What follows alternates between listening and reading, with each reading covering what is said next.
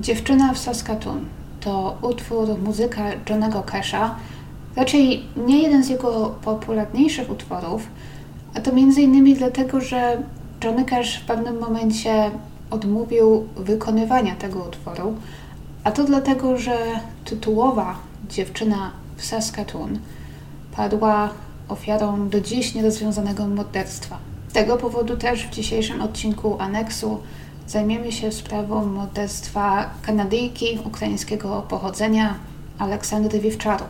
A zanim zaczniemy, znowu oczywiście raz na jakiś czas przypominam o tym, jeżeli chcecie mnie wspierać, zachęcam do dania łapki w górę temu filmowi na YouTube, zostawienia komentarza, upewnienia się, że subskrybujecie. To bardzo pomaga mojemu kanałowi i powoduje, że podcasty i filmy mają większe zasięgi. Dziękuję bardzo i naprawdę doceniam wszystkich, którzy to robią. I już bez przedłużania zapraszam do dzisiejszej historii Aleksandry Wiewczaruk. W 1961 roku lokalna stacja radiowa w Saskatoon w prowincji Saskatchewan w Kanadzie ogłosiła konkurs na tak zwaną dziewczynę w Saskatoon, ponieważ do miasta na koncert miał przyjechać muzyk Johnny Cash i podczas koncertu miał wykonać m.in. specjalnie napisaną na tę okazję piosenkę The Girl in Saskatoon. Zdecydował, że zaśpiewa tę piosenkę na scenie specjalnie dla jednej wybranej dziewczyny. Stacja radiowa ogłosiła więc konkurs i poprosiła o nadsyłanie zdjęć kandydatek. Konkurs wygrała 22-letnia wtedy Aleksandra Wiwczaruk, która nawet nie zgłosiła się do konkursu i nie miała pojęcia o jego istnieniu. To jej rodzina i bliscy, utrzymując to przednio w niewiedzy, aby zrobić jej niespodziankę, przesłali mnóstwo zdjęć pięknej Aleksandry do radia. I to właśnie Aleksandra została wybrana. Wygrała więc bilety na koncert i podczas utworu The Girl in Saskatoon została zaproszona na scenę. Po wszystkim zrobiła sobie zdjęcie z Johnem Cashem. Miłą niespodziankę zrobiła więc jej rodzina, tak sądzę, mimo że do koncertu wtedy podobno prawie że nie doszło, ponieważ samolot Johnego Casha, który był wtedy właśnie w Tutne, po Kanadzie, musiał awaryjnie lądować. I Johnny Cash z muzykami musiał do Saskatoon dotrzeć samochodem. Koncert więc był 4 godziny opóźniony i został znacznie skrócony, ale wciąż doszedł do skutku, a Johnny odśpiewał swój utwór właśnie specjalnie dla Aleksandry. I opowiadam Wam o Aleksandrze, ponieważ, jak już pewnie zauważyliście, chociażby po tytule tego podcastu, to właśnie ona jest bohaterką dzisiejszego odcinka. Urodziła się w malutkiej wiosce Endeavour koło Yorkton w prowincji Saskatchewan w Kanadzie. Około 300 km na wschód od Saskatoon, stolicy prowincji. Aleksandra wychowała się w wieloletniej rodzinie, która przeniosła się tam z Ukrainy. Była też najmłodszą z dziesięciotka dzieci. W latach 50. Aleksandra została wysłana do Saskatoon, gdzie miała zamieszkać razem ze swoją starszą siostrą i jej mężem oraz pójść do liceum, ponieważ rzeczywiście edukacja w Saskatoon była o wiele lepsza. Aleksandra miała tam więcej perspektyw. Po ukończeniu szkoły Aleksandra chciała zostać stewardessą. Był to zawód, który wtedy stawał się niezwykle popularny wśród kobiet. Wtedy jeszcze nie było wiele zawodów, które kobietom dobrze były płaciły, dawały jakąś tam niezależność i przy okazji dawały szansę poznania i zobaczenia świata. Ale niestety, Aleksandra spełniała wszystkie wymogi poza wymogiem wzrostu. Była za niska. Zamiast tego zdecydowała się więc wybrać pielęgniarstwo, przenosząc się do Yorkton i rozpoczynając szkołę w roku 1959. Przez wszystkich opisywana jako pozytywnie usposobiona, towarzyska. Nie miała problemu z odnalezieniem się w nowym mieście i prędko nawiązywała znajomości. Aleksandra lubiła wychodzić z domu. Miała mnóstwo przyjaciół. I dziewczyn, i chłopaków. Czasem umawiała się na randki, ale w jej młodym życiu nigdy nie było żadnego poważnego związku. Chociaż w czasie, gdy zaginęła, widywała się z pewnym mężczyzną. Hugh Carlton mu było. Aleksandra zdecydowanie nie chciała iść w ślady swoich starszych sióstr i braci, którzy, ponieważ urodzili się w trochę innych czasach niż ona, byli zmuszeni dosyć prędko założyć rodziny czy rzucić się w wir pracy. Aleksandra była pierwszą osobą w swojej rodzinie, która nie tylko ukończyła liceum, ale również poszła do jakiejś szkoły policjalnej, w tym wypadku szkoły pielęgniarskiej. Nie sądziła, że musi od razu wychodzić za mąż i zakładać rodzinę. Chciała najpierw trochę się uniezależnić, ale mimo to oczywiście stale przyciągała męskie spojrzenia. Ponieważ miała ładną, okrągłą twarz, z ciemnymi oczami, dużymi, wydatnymi ustami i ciemne, krótkie włosy. Będąc w szkole pielęgniarskiej jeszcze, wygrała nawet konkurs piękności. A później, jak już wiemy, została wybrana na tytułową dziewczynę piosence Johnego Kasza. We wrześniu 1961 roku Aleksandra przeniosła się z powrotem do Saskatoon i rozpoczęła tam pracę w miejskim szpitalu. Była to jej pierwsza poważna praca. W tamtym czasie wynajęła też mieszkanie z kilkoma przyjaciółkami, również pielęgniarkami. Saskatoon to niewielkie miasto. Wtedy oczywiście było jeszcze mniejsze. Lokalizacja była idealna. Aleksandra z nowego mieszkania miała blisko do szpitala. W sumie wszędzie miała blisko, wszędzie mogła tak naprawdę chodzić na nogach. W 1962 roku Aleksandra miała 23 lata. Pracowała w szpitalu już od ponad roku. I 18 maja, to był piątek, Aleksandra miała nocną zmianę, która zaczynała się około 23.30. Tamten wieczór był niezwykle ciepły i przyjemny. Poza tym zaczynał się długi weekend w Kanadzie z okazji Dnia Królowej Wiktorii. Dla wielu Kanadyjczyków Victoria Weekend to taki nieoficjalny początek lata. Czas, aby albo wyjechać za miasto, albo żeby gdzieś odkurzyć grilla po długich, chłodnych miesiącach i zaprosić sąsiadów albo rodzinę na wspólne grillowanie. Niektórzy członkowie rodziny Alex właśnie planowali wyjechać poza Saskatoon, ale nie ona. Aleksandra musiała iść do pracy. Aleksandra tamtego wieczoru wyszła z domu znacznie wcześniej. Ubrała się w zielone spodnie, zielony sweter i ładną bluzkę. Uczesała włosy, nałożyła lekki makijaż i wyszła z mieszkania gdzieś po dwudziestej. Nie jest zupełnie jasne, czy planowała wrócić do domu jeszcze przed pójściem do pracy, czy może po załatwieniu kilku spraw pójść prosto do szpitala. Jej uniform pielęgniarski został znaleziony w domu, więc zakłada się, że Aleksandra musiałaby wrócić do domu, zanim poszłaby do pracy. Ale znów nie znalazłam potwierdzenia, nie jestem pewna, czy to był na pewno jedyny uniform, jaki ona miała, czy może miała na przykład drugi w pracy. Wiem, że wiele osób przebiera się w ubranie pracownicze dopiero po przyjściu do pracy, więc nie jest tak na 100% jasne, czy Aleksandra potem, gdy wyszła z domu o 20 planowała do niego wrócić, czy może pójść już prosto do pracy. Ale zwykle przypuszcza się tam sposób, w jaki ten uniform był przygotowany. Przypuszcza się, że jednak do domu wrócić planowała. Wiemy, że po 20, gdy Aleksandra wyszła z domu, udała się na pocztę, gdzie kupiła kilka znaczków i wysłała listy do członków rodziny. Pracownik poczty, który znał Aleksandrę z widzenia, ponieważ ona często tam zachodziła, później potwierdził, że widział ją tam gdzieś około 20.30. Była prawdopodobnie sama, ale w tamtym momencie poczta była pełna ludzi, więc ciężko było powiedzieć na pewno. Zdawała się być jednak w dobrym nastroju i wszystko było najwyraźniej w porządku. Według innych świadków Aleksandra później była widziana na 31 ulicy. To przy 31 ulicy znajdowała się m.in. ta poczta, do której wcześniej zaszła. I miała być tam widziana idąca i rozmawiająca z jakimś mężczyzną. Ubranym w białą koszulę, brązowe spodnie i brązową marynarkę. Szli koło siebie, ramię w ramię i rozmawiali. Aleksandra trzymała ręce w kieszeniach i szła wesołym, prawie że tanecznym krokiem. Najwyraźniej była zadowolona z towarzystwa. Niedługo później była widziana przez kolejnego świadka, rybaka, który łowił rybę nad rzeką. Aleksandra mieszkała bardzo blisko rzeki, miała tam bodajże 700-800 metrów pieszo nad rzekę i bardzo lubiła tam spacerować. Więc nie było to dziwne, że mając trochę czasu przed pracą, po prostu postanowiła się tam przejść. W szczególności, że był to niezwykle ładny, ciepły wieczór. Miała tam być też później widziana siedząca na murku przy brzegu, a koło niej stał jakiś młody mężczyzna. Zapamiętał to zarówno ten rybak, jak i grupa jakichś nastoletnich chłopców, którzy zwrócili uwagę na Aleksandrę ze względu na jej urodę. Nikt jednak nie zapamiętał mężczyzny, który miał jej towarzyszyć. To jest jednak ostatni raz, gdy Aleksandra Wiwczaruk była widziana. Kobieta nie pojawiła się tej nocy w pracy, ani nie wróciła do domu. Około północy, gdy Alex nie pojawiła się w pracy, jej przełożona zadzwoniła do jej mieszkania, gdzie telefon odebrała współlokatorka. Ta, znając Aleksandrę, od razu zrozumiała, że musiało stać się coś złego. Nie zwlekała i jeszcze tej samej nocy powiadomiła policję i rodziców Aleksandry. A policja niestety nie podeszła do sprawy zbyt poważnie na początku, uważając, że Aleksandra uciekła.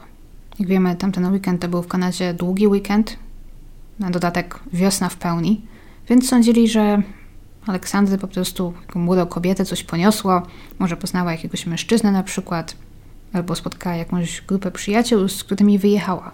Ale dla jej bliskich to tłumaczenie nie miało najmniejszego sensu. Aleksandra nie porzuciłaby od tak pracy i nie wyjechała nagle, zrywając kontaktu dosłownie ze wszystkimi. W pierwszych dniach więc jej rodzina była zdana zupełnie na siebie, ale nie mieli też pojęcia, gdzie w ogóle mają szukać i jak zacząć. 22 maja zamieścili w gazecie zdjęcie Aleksandry i krótką informację o jej zaginięciu.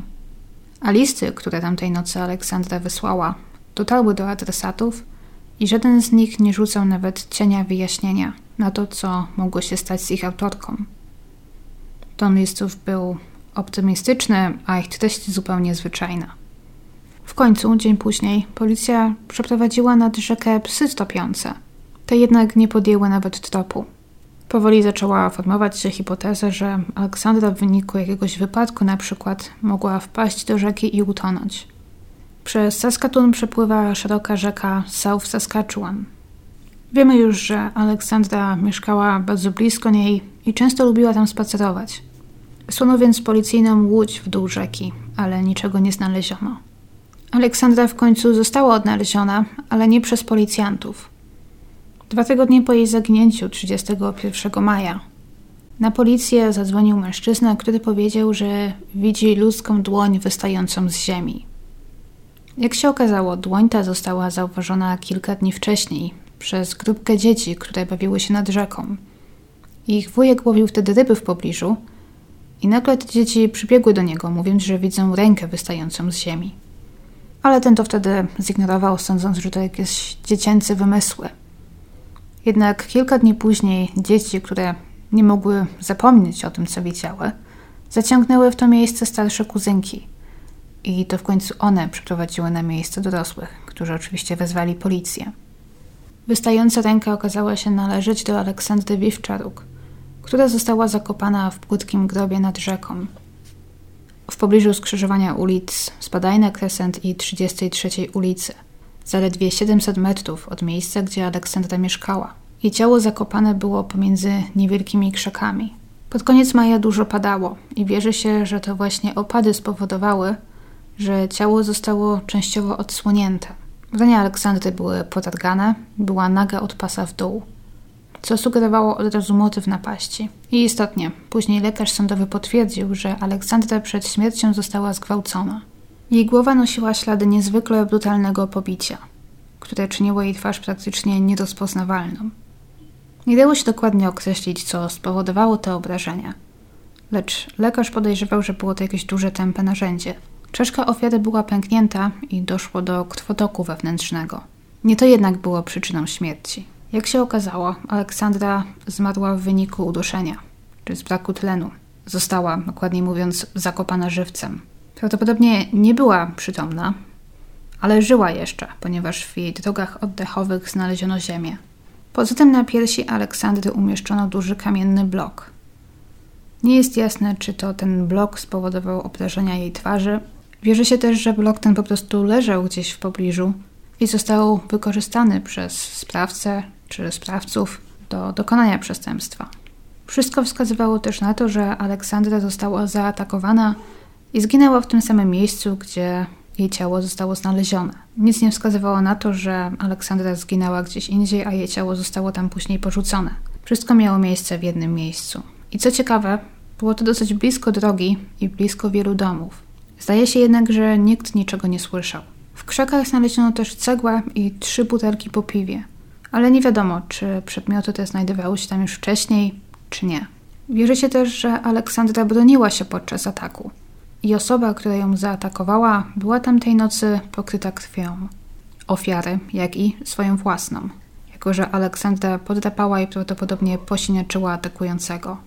Pod koniec lat 90. ubiegłego wieku ciało Aleksandry zostało ekshumowane w poszukiwaniu dowodów, które w latach 60. mogły zostać pominięte. Wtedy też znaleziono włos, który jak się okazało nie należał do Aleksandry, ale też nie jest jasne skąd się tam wziął. To znaczy, mógł to istotnie być włos pochodzący od sprawcy, który został wcześniej przeoczony, albo włos każdego, kto z tym ciałem później miał styczność, czyli policjanta, lekarza sądowego, kogoś pracującego w domu pogrzebowym na przykład. Opcji było mnóstwo. Po tak wielu latach niezwykle ciężkim było odnalezienie tych ludzi, czy przynajmniej ich żyjących krewnych, aby porównać, czy możliwe jest, że ten włos pochodzi od kogoś z nich. Kto więc zabił Aleksandrę i dlaczego? Wiemy, że Aleksandra tamtego wieczoru była widziana z przynajmniej jednym mężczyzną. Nie wiemy, czy ten, który był widziany w garniturze idący z nią ulicą, to był ten sam mężczyzna widziany nad rzeką, czy nie. Czy jest możliwe, że Aleksandra spotkała się tamtego wieczoru ze swoim chłopakiem, Hugh? Policja sądzi, że raczej nie. Hugh zadzwonił wieczorem 18 maja do mieszkania Aleksandry w poszukiwaniu jej, ponieważ chciał się właśnie tamtego wieczoru z nią spotkać, po czym odwieźć ją do pracy. I był rozczarowany, gdy jedna ze współlokatorek powiedziała mu, że spóźnił się i Aleksandra już wyszła. Nigdy więc nie spotkał się z nią tej nocy. Jedna ze współlokatorek Aleksandry pamięta, że ta pożyczyła od niej bluzkę, zanim wyszła z domu. Bluzkę dosyć elegancką, co pozwala niektórym przypuszczać, że może Aleksandra była z kimś umówiona i chciała ładnie wyglądać. Co by nie było, Aleksandra pewnie nie dbałaby aż tak o swój wygląd, gdyby zamierzała tylko pójść na pocztę. Ale z drugiej strony był to ładny, ciepły wieczór. W powietrzu dało się poczuć lato, może po prostu Aleksandra poczuła się tego wieczoru wyjątkowo dobrze.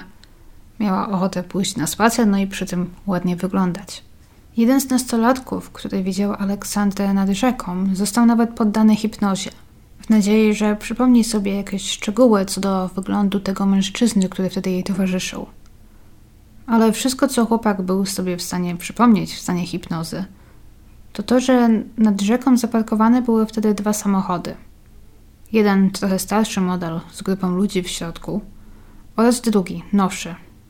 Czerwony samochód z jednym mężczyzną, co od razu przypomniało rodzinie Aleksandry o jakimś młodym mężczyźnie, prowadzącym właśnie taki nowy czerwony samochód, który kilkakrotnie próbował namówić Alex na randkę, lecz ta za każdym razem mu odmawiała. Aleksandra znała go jeszcze z liceum. To brzmiało obiecująco, ale zaprowadził donikąd. Poza tym odnaleziono jeszcze dwóch innych mężczyzn, również posiadaczy czerwonych samochodów, którzy znali Aleksandrę, ale również z tym niewiele można było zrobić. Gdzieś przeczytałam też, że w końcu udało się odnaleźć i zidentyfikować tego tajemniczego mężczyznę. Mężczyznę w brązowym garniturze. Postawiam fanów Agaty Christie. I mężczyzna też został przez policję wykluczony na jakichś niejasnych podstawach. Mam też wrażenie, że policja wierzy, że Aleksandra mogła tamtego wieczoru natrafić na naprawdę wielu znajomych.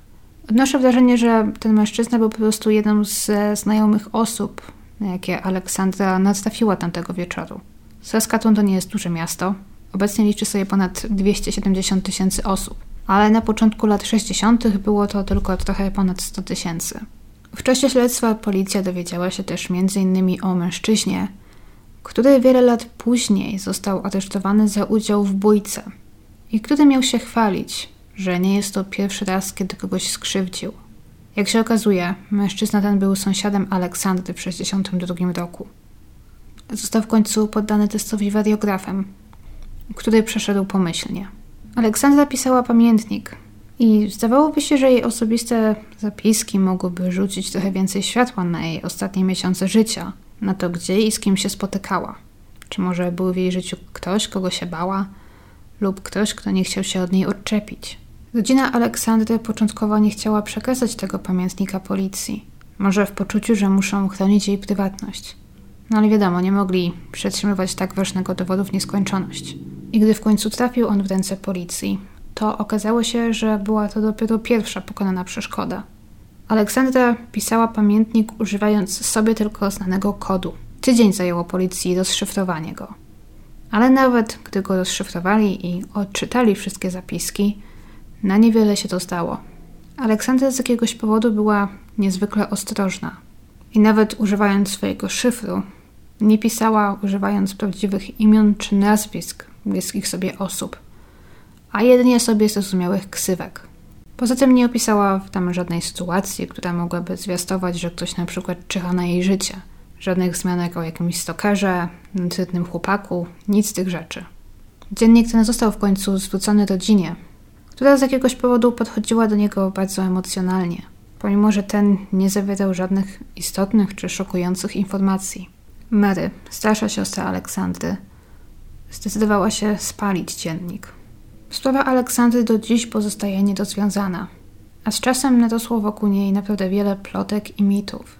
Między innymi to, że sprawcę udało się odnaleźć, ale policja została przekupiona, bo jak się okazuje, jeden z tych mężczyzn posiadających czerwony samochód, który należał do grona znajomych Aleksandry, był synem jakiegoś tam wpływowego kanadyjskiego polityka, który, jak głosiła plotka, miał wykorzystać swoje znajomości, aby ukryć przestępstwo syna. Po upływie tak wielu lat, no bo w przyszłym roku upływać będzie lat 60 już od śmierci Aleksandry, wydałoby się, że Saskatun o tym przestępstwie zapomniało. Ale nie do końca. 13 lat temu siostrzenice Aleksandry, które zresztą ledwie ją znały, bo w 62 roku były małe, rozpoczęły kampanię mającą na celu zwrócenie uwagi na wciąż niezwiązaną sprawę ich ciotki. Zasponsorowały nawet billboard w Saskatoon ze zdjęciem Aleksandry. Zaczęły też pojawiać się w radiu, w telewizji. Powiedziały, że w czasie swojego amatorskiego śledztwa zebrały tony notatek, rozmawiały z mnóstwem świadków i wszystkie te informacje przekazały policji. Nie chcą się też nimi jak na razie dzielić z publiką, przekazują je wszystkie policji i mają nadzieję, że to policja w końcu zrobi z nich użytek i że może sprawa ich ciotki w końcu zostanie rozwiązana. W 2008 roku szkolna przyjaciółka Aleksandry, kobieta nazwiskiem Sharon Butala, napisała książkę na temat sprawy swojej przyjaciółki. To właśnie wtedy też w Kanadzie narosło trochę ponownie zainteresowanie sprawą Aleksandry. Jej sprawa dzięki temu doczekała się również kilku programów telewizyjnych. I niedługo po wydaniu książki pojawiła się też informacja, że policja sporządziła listę podejrzanych i że lista ta stale się zmniejsza, gdy kolejni ludzie są z tej listy wyrzucani i wykluczani. W roku 2008 policja, jak twierdziła, miała 13 podejrzanych na tej liście. Niestety, pomimo rozgłosów w tamtych latach, wciąż sprawa nie ruszyła się nigdzie dalej i do dziś, do kwietnia roku 2021, pozostaje nierozwiązana.